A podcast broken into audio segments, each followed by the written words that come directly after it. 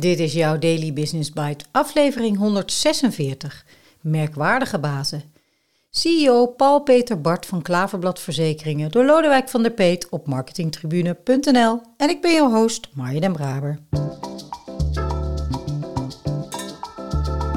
Je luistert naar Daily Business Bites met Marja den Braber waarin ze voor jou de beste artikelen over persoonlijke ontwikkeling en ondernemen selecteert en voorleest. Elke dag in minder dan 10 minuten.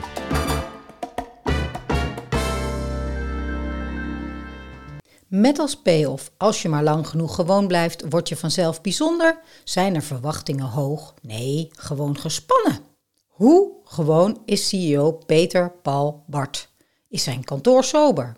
Leeft hij het merk? Het pand ziet er nogal gewoon uit. Check. De entree ook. Check. Maar de adviseur bedrijfscommunicatie die ons komt ophalen, is dat helemaal niet. De vrolijke Katja Bouwmeester zal ons tijdens het gesprek nauwlettend in de gaten houden. Ze maakt aantekeningen en soms beslist ze dat er best wel wat meer mag worden opgeschept. Dan mengt ze zich even in het gesprek. De lift herken ik uit de leuke commercials. Peter Paul Bart loopt met zijn vuist vooruit door de lege kantoortuin op ons af om ons hartelijk een box te geven. Hé, gelukkig. Zijn kantoor is ook al buitengewoon gewoon. Er hangen twee schilderijen in waarmee hij een stempeltje zet in een volstrekt inwisselbare kamer. De ene is zo'n Karel Appelachtig gooi- en smijtwerkschilderij, waarvan sommige mensen zeggen dat kan mijn kind van vier jaar ook, terwijl een ander er juist in wegdroomt. Het tweede paneel is een ets die op het eerste gezicht lijkt op een brandend kantoorpand. Bart vond dat wel illustratief voor de schadeverzekeraar die ze zijn. Zijn verbazing was dan ook groot toen hij na jaren een stickertje op de achterkant ontdekte waarop stond dat het schilderij Vaas met bloemen heet. Begin 1992 begon Bart al bij Klaverblad als schadebehandelaar. Een opmerkelijke keuze als je net de studie juridische informatica hebt afgerond. In die tijd lagen de banen niet voor het oprapen. Ik heb me bij veel advocatenkantoren gemeld, maar er was gewoon geen passende plek.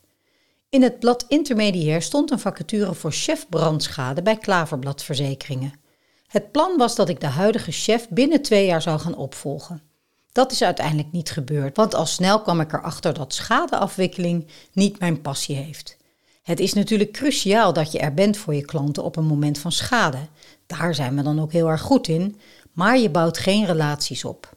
Je keert uit, lost het op voor je klant en dan zie je elkaar niet meer. Je werkt dus niet aan een relatiemerk en een portefeuille en ik ben nou eenmaal iemand die graag iets bouwt. Gelukkig kreeg ik na een maand of drie een mooie functie op de brandacceptatieafdeling. Daar kon ik werken aan verzekeringsportefeuilles, goede risicobeoordeling en mooie producten. Ik ben nou eenmaal een bouwer, dus dat past goed bij mij. Vervolgens heb ik op bijna alle afdelingen van het bedrijf wel een tijdje gewerkt. Ik heb daardoor heel veel verschillende verzekeringsfuncties gehad. In 2000 werd ik sectorhoofd schadebedrijf. Dat is één laag onder die directie.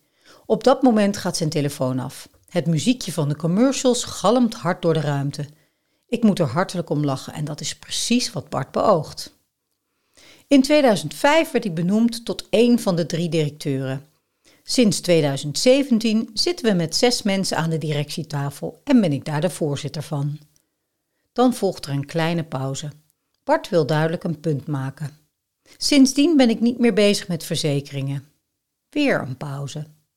Ik vul die in met de logische vraag wat hij dan wel de hele dag doet. Ik ben echt een bestuurder geworden, met veel verstand van verzekeringen. Ja, dat is gelukkig wel zo. Ik vind mezelf een visionaire leider. Ik heb ideeën over waar we heen moeten met Klaverblad en open daarover de discussie met de leden van het managementteam. Het verschil tussen een leider en een manager. Een manager zorgt ervoor dat de opdracht of de missie door de goede mensen correct wordt uitgevoerd. Daar ben ik ronduit slecht in. Een leider weet waar je naartoe moet, die bepaalt de koers. En ik ben van dat laatste. Met een faciliterende houding. Ik stimuleer mijn managementleden om de koers te vertalen naar een visie voor hun eigen bedrijfsonderdeel. Daar zijn ze autonoom in. Ze hebben natuurlijk allemaal andere drijfveren, maar wel dezelfde waarden. Daar zijn ze zorgvuldig op geselecteerd. Menselijk, fair, behulpzaam en doortastend. Hun onderlinge discussies zijn reuze interessant om te volgen. Ik word daar echt door geïnspireerd. Ze hebben allemaal een ander karakter. nemen de leiding over de onderwerpen waar ze voor staan. We hebben soms flinke meningsverschillen. Het kan echt knallen af en toe. Ik vind dat heerlijk, zolang het onderlinge respect intact blijft. Als je de visies van de managementleden koppelt en het er met elkaar over eens wordt, dan stapelt het. Dan ontstaat er echt een team met een eenduidige missie. Ik ben echt een zelfontwikkelaar. Toen ik de omslag maakte van directeur verzekeringen naar CEO, heb ik een leiderschapscoach geraadpleegd. Maar nu zorg ik ervoor dat ik mijzelf continu ontwikkel door veel te lezen, goed te luisteren en goed te kijken. Die coach waarschuwde me destijds dat het lonely at the top is en dat is ook echt wel een beetje zo. Kees Rijken verlaat de sessie en de communicatieadviseur Katja is in dubio. Loop ik even met de fotograaf mee en laat ik mijn CEO alleen met die journalist? Of zoekt de fotograaf zelf maar even naar de uitgang? Het wordt het laatste. Bart vervolgt ongestoord zijn verhaal. Mijn visie, of noem het koers, vertel ik natuurlijk in eerste instantie aan mijn managementteam, maar ook aan alle medewerkers. Binnenkort starten we met roadshows langs alle teams en afdelingen. Of ik dat leuk vind? Man, als ik mijn visie mag verkondigen, vind ik dat het leukste dat er is. Een luide lach en een slok.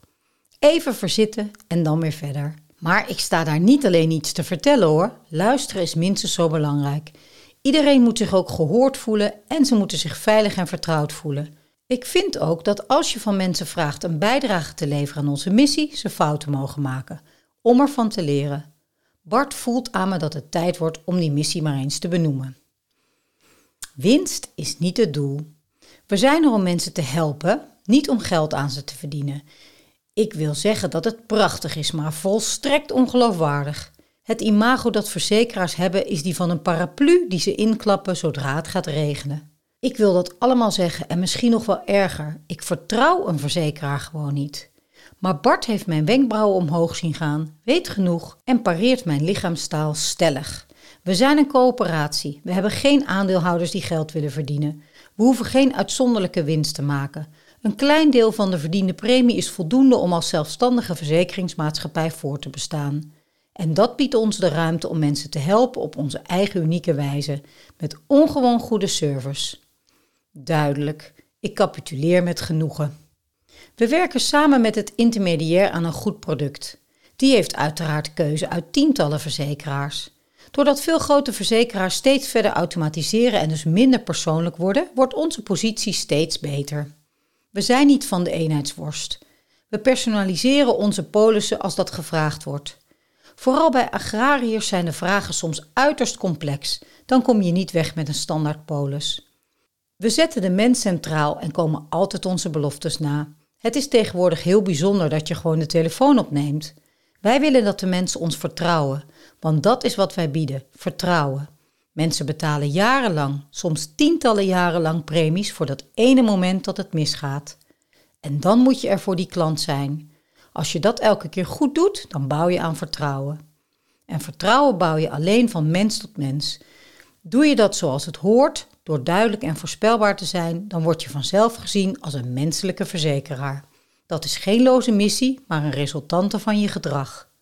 Vertrouwen opbouwen, daar moet je niet over vertellen, dat moet je gewoon doen.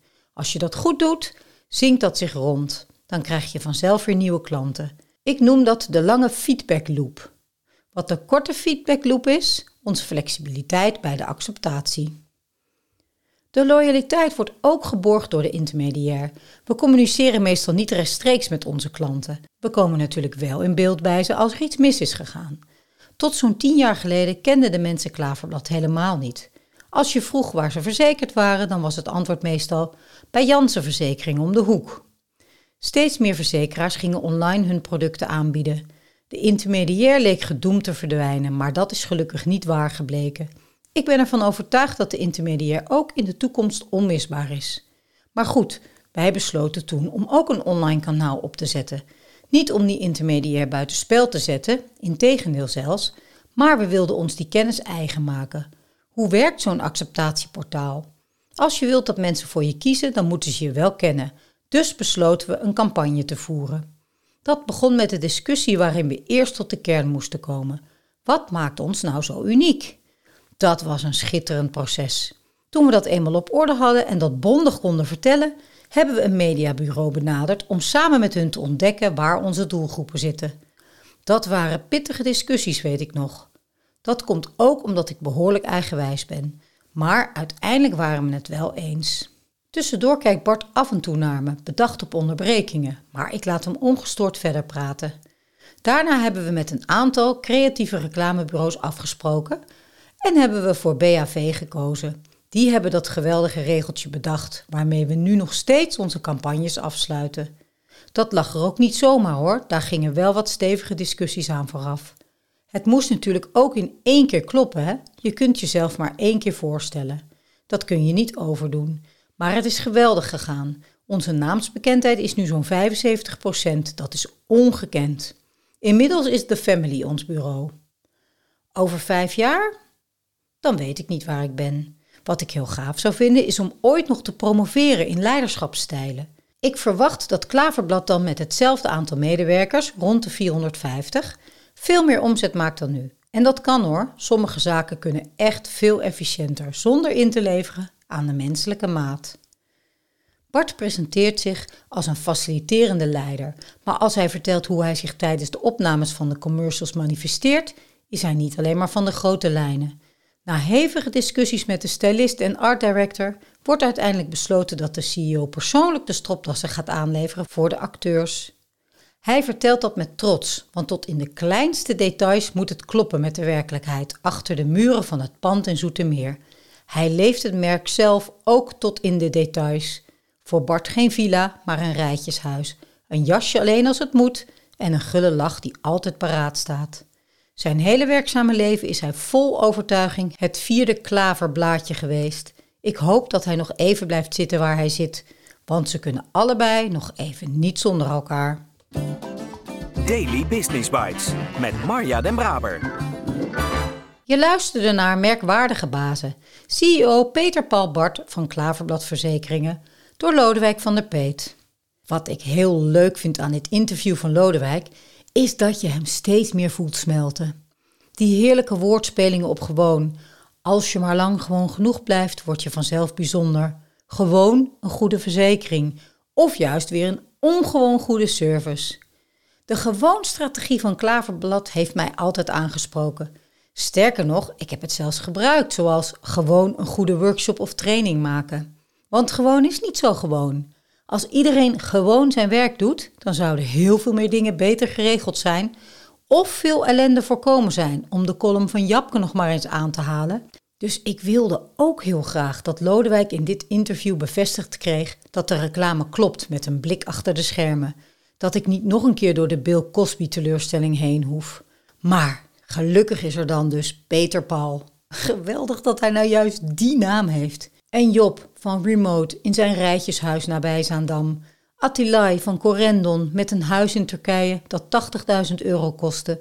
En Ingvar van Ikea, inmiddels overleden, maar een multimiljardair die in tweedehands kleding bleef lopen en in een oude Volvo reed. Geruststellend. So far. Ik spreek je heel graag morgen weer.